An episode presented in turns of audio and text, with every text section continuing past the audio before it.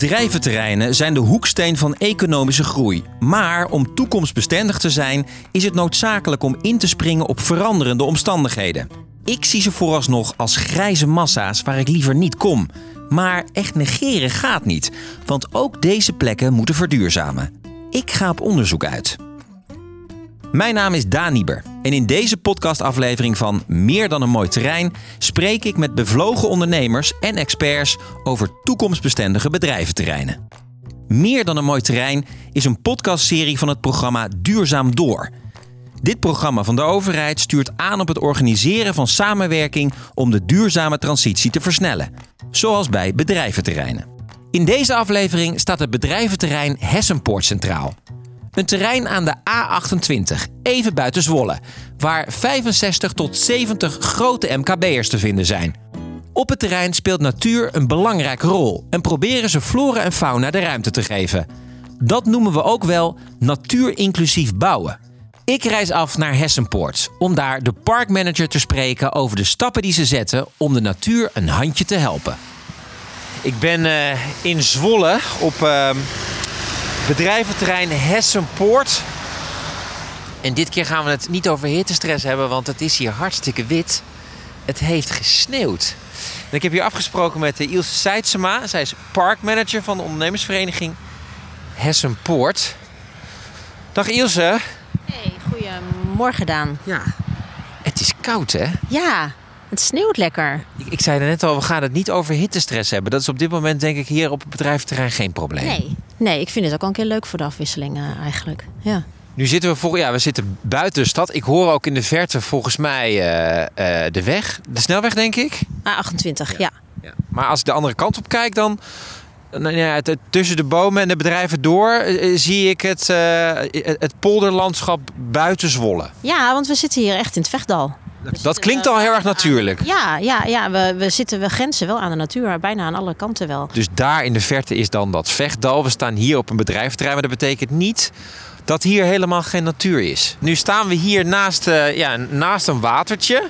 Ja. Is, is dit al, uh, mogen we dit al zien als, als natuur? Ja, Natuurlijk is... onderdeel van het bedrijventerrein.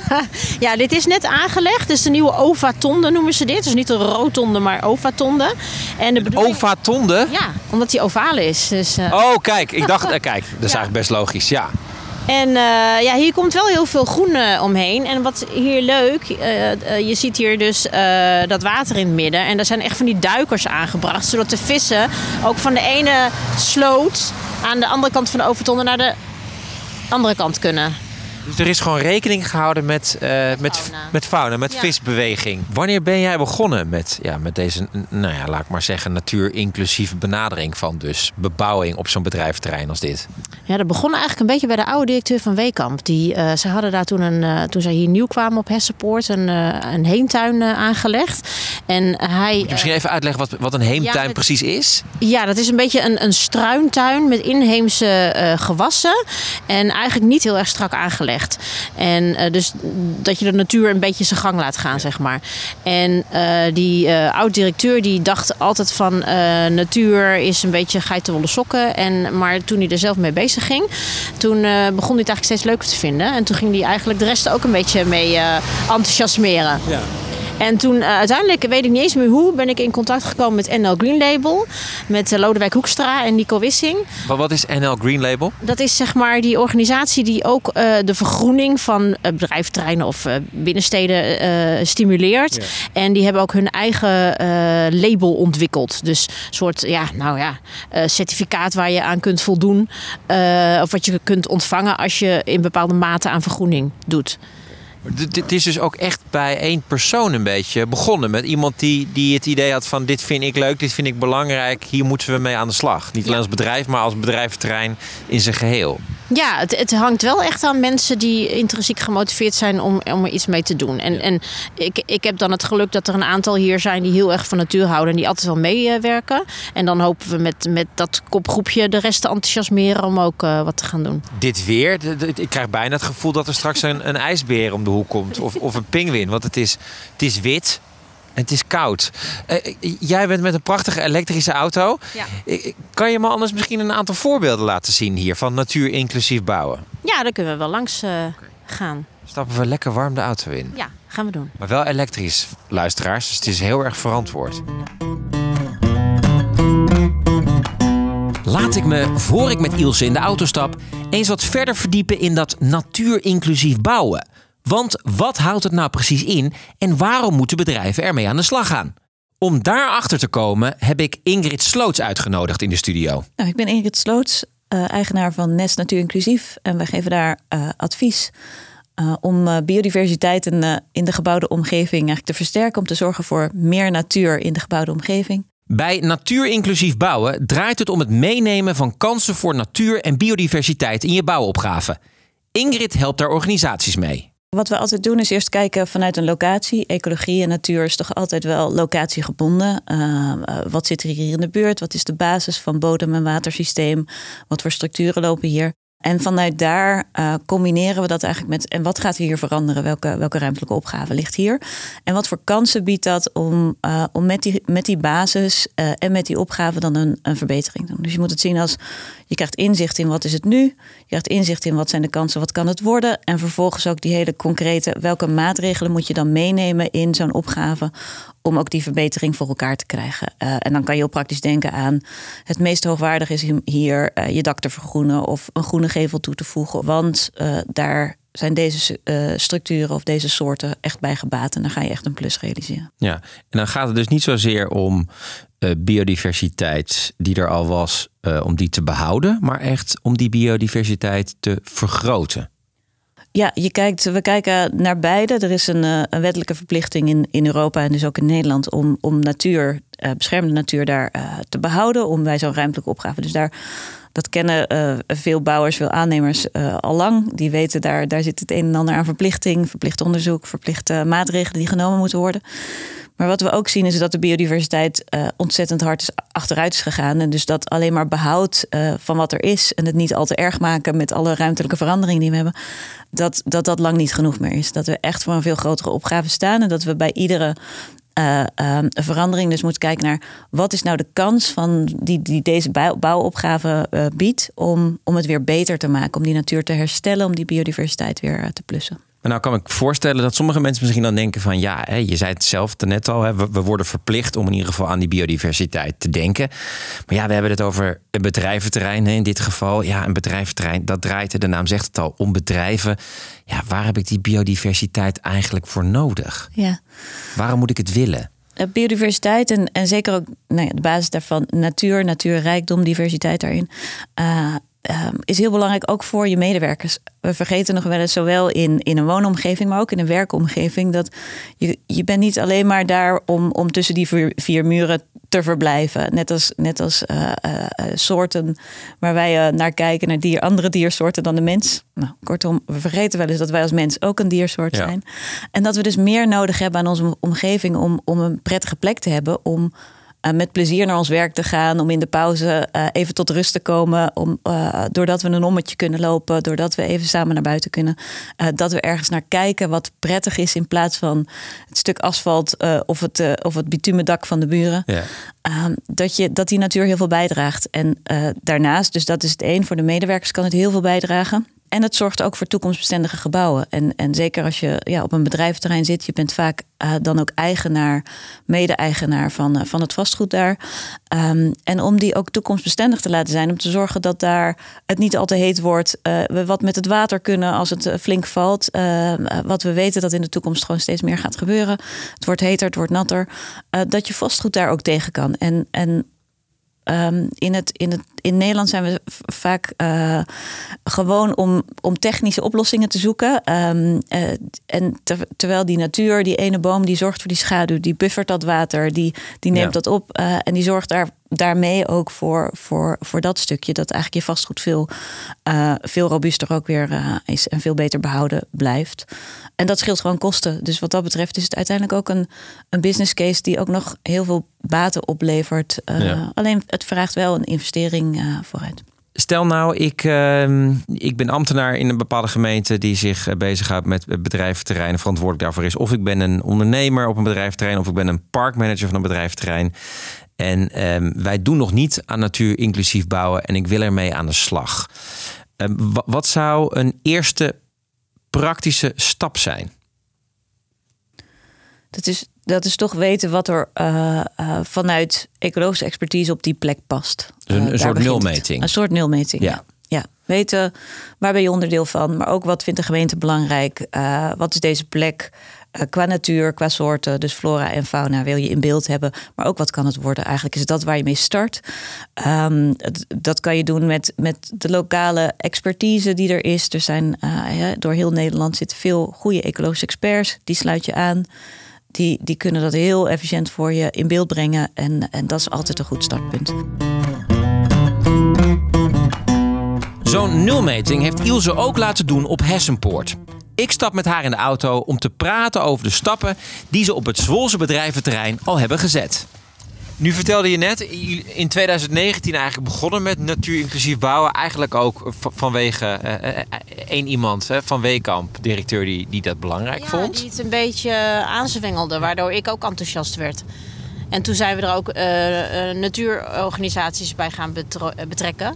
Zoals Stichting Avifauna. Met die man heb ik heel veel voor vogels hier gedaan. Heel veel nestkastjes opgehangen. Vogelringstation is hier gekomen. En we hebben onlangs ook met Natuurplatform Zwolle hebben we een nulmeting gedaan.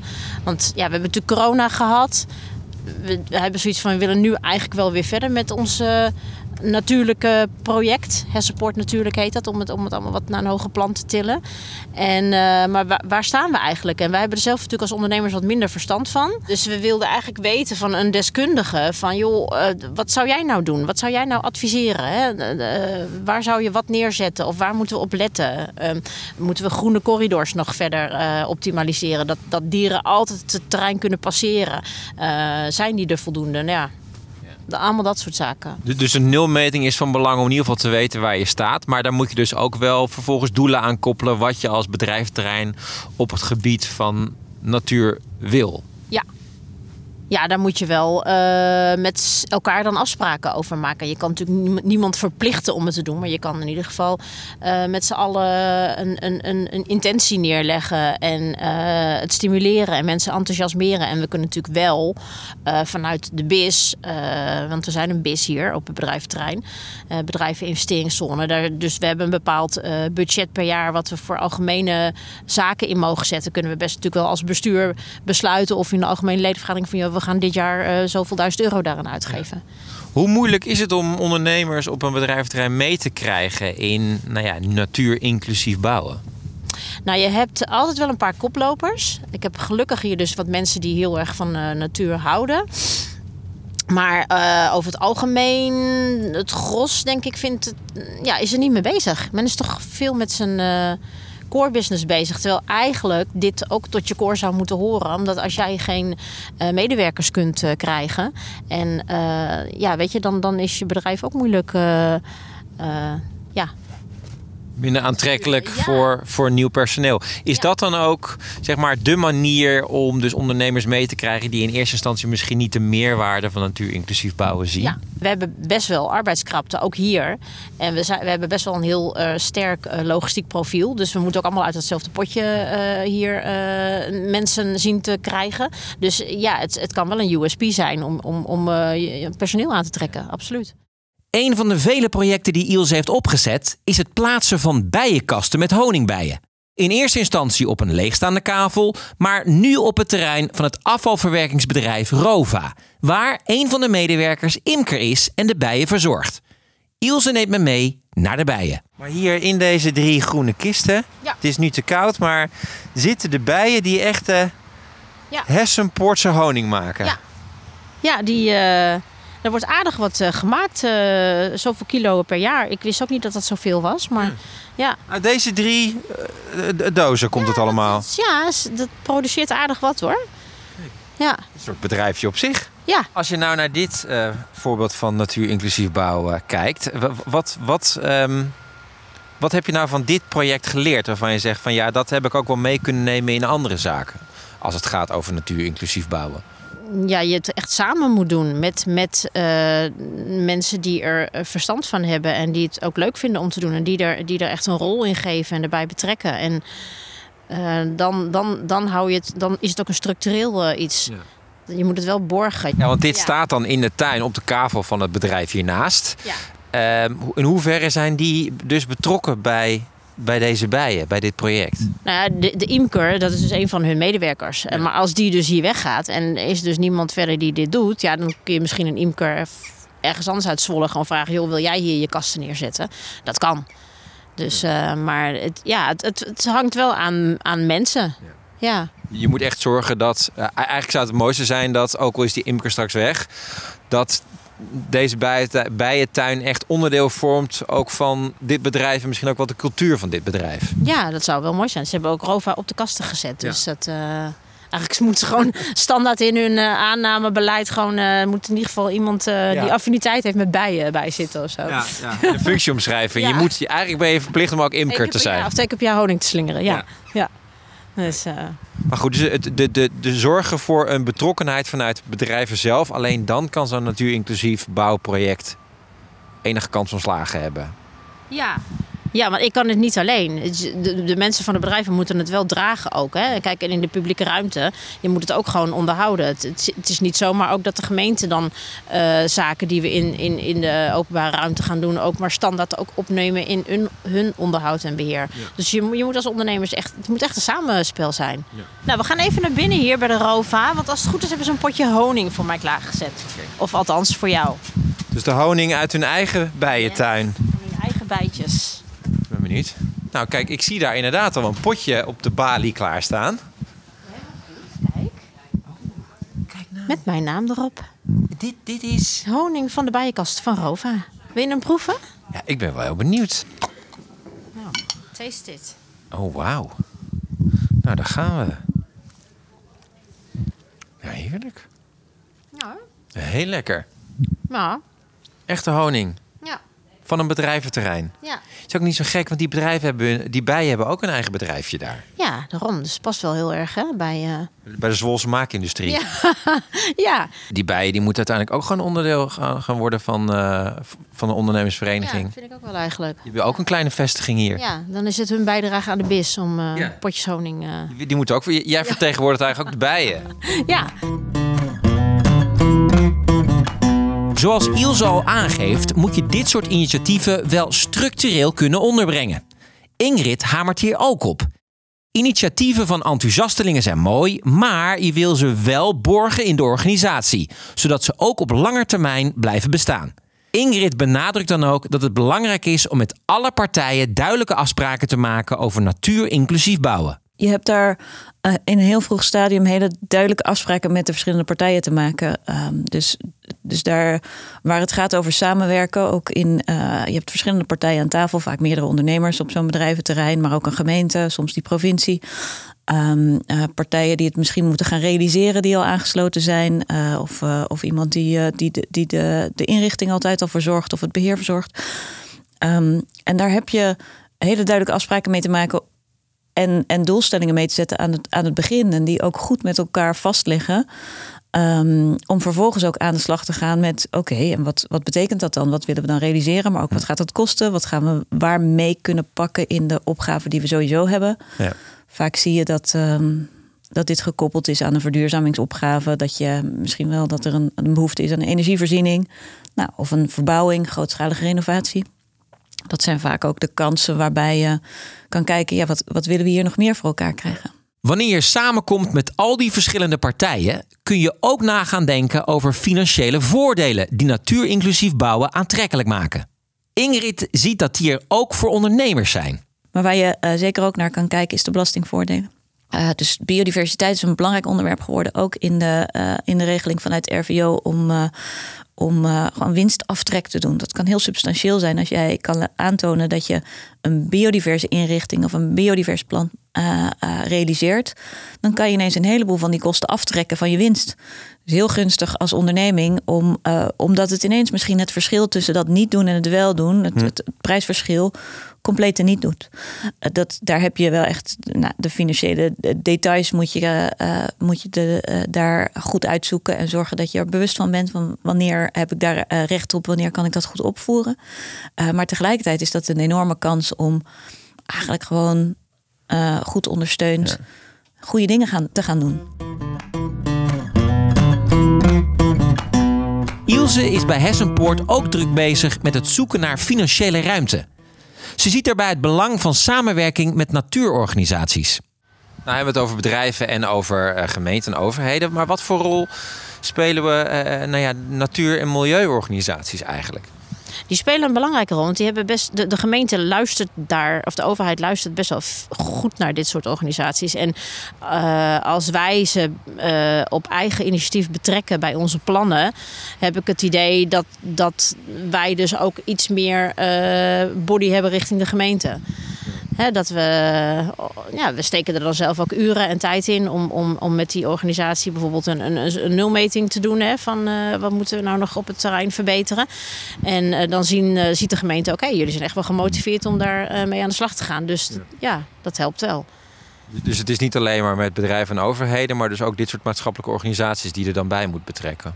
Ja, ik denk ook dat het gewoon goed is, want je hebt zelf al die kennis niet in pacht en dat zit wel bij hen. Ja.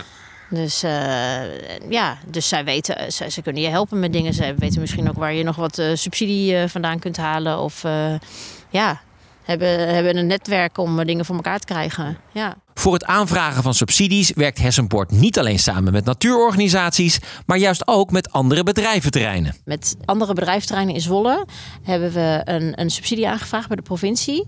En we hebben het gezamenlijk gedaan, dat we dan iets meer uh, kans zouden hebben om, om die subsidie toegekend te krijgen.